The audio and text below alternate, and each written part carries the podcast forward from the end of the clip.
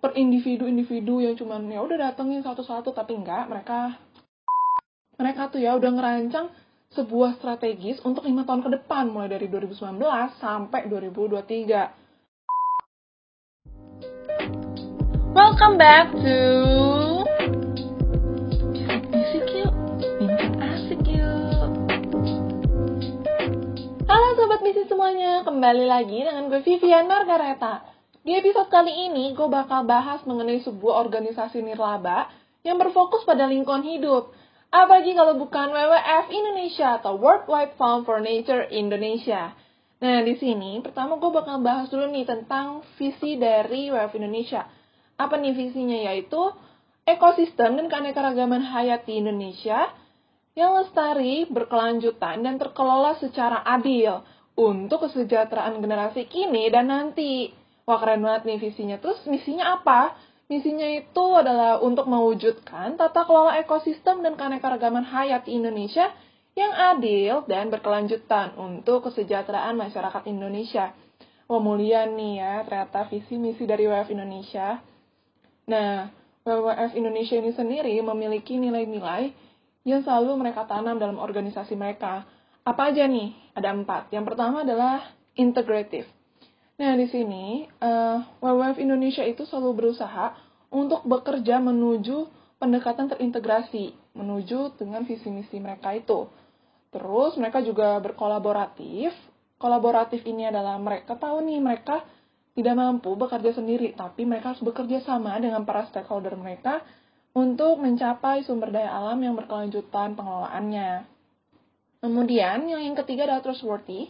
Nah, di sini WWF Indonesia itu selalu menghormati amanah dari stakeholders-nya. Terus mereka juga berusaha untuk menjaga apa yang sudah dipercayakan kepada mereka. Itu. Terus yang terakhir nilainya adalah passionate. Nah, di sini WWF Indonesia itu memiliki motivasi yang tinggi untuk mencapai konservasi yang udah mereka impi-impikan itu. Gitu teman-teman nilai-nilainya.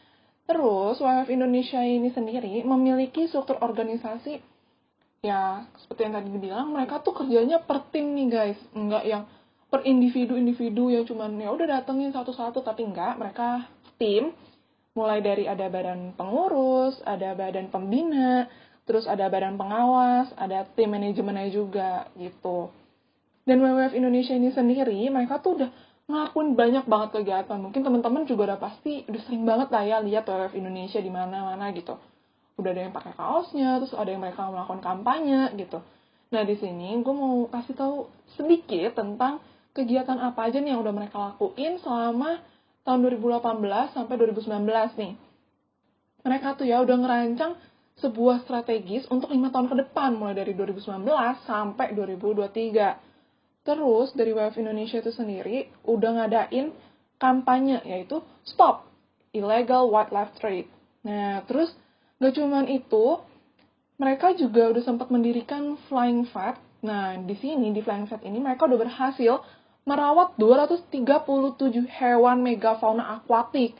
Nah, ini terdiri dari 231 ekor penyu, 3 ekor duyung, 2 ekor paus, sama 1 ekor lumba-lumba, guys. Nah, Terus masih banyak banget mereka juga adain program.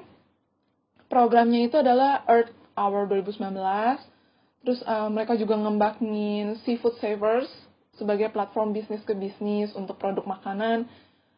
Terus uh, masih banyak banget deh kegiatan-kegiatan mereka itu yang mereka ada upaya konservasi, contohnya kayak program Leading the Change dan sebagainya itu banyak banget. Nah, kegiatan apa yang mau diangkat nih sama WF Indonesia atau lagi diangkat. Nah, WF Indonesia itu pasti tau lah ya mereka rutin banget kampanye.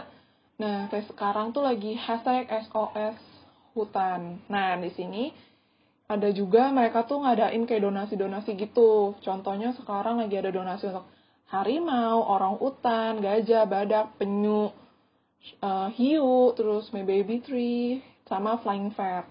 Terus mereka juga kerjasama untuk melakukan observasi nih terhadap apa yang sedang mereka lakukan gitu. Terus mereka juga uh, berencana untuk membelokkan kurva hilangnya keanekaragaman hayati gitu. terus memitigasi jejak karbon, dan memutarbalikkan tren tata kelola sumber daya alam yang buruk. Nah, cara mereka itu adalah menunjukkan praktik dan inovasi mereka dalam pengelolaan dan bisnis konservasi, di, uh, di mana mereka tuh berusaha untuk mempengaruhi kebijakan lingkungan hidup di Indonesia ini. Nah, karena kita lihat lah ya ini keren-keren banget, jadi gue bikin sebuah newsletter. Newsletter itu mengenai sama, gue kunci utama gue adalah satwa liar. Nah, di sini jadi topik utama gue adalah ayo lestarikan satwa liar.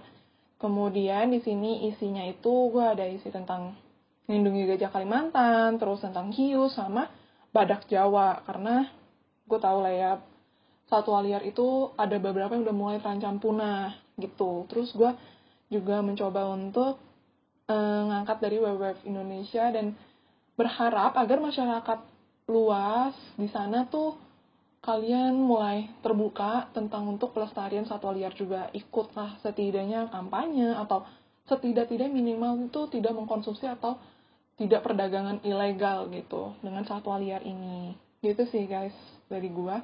Sekian, nantikan selanjutnya di episode berikutnya. See you, bye-bye.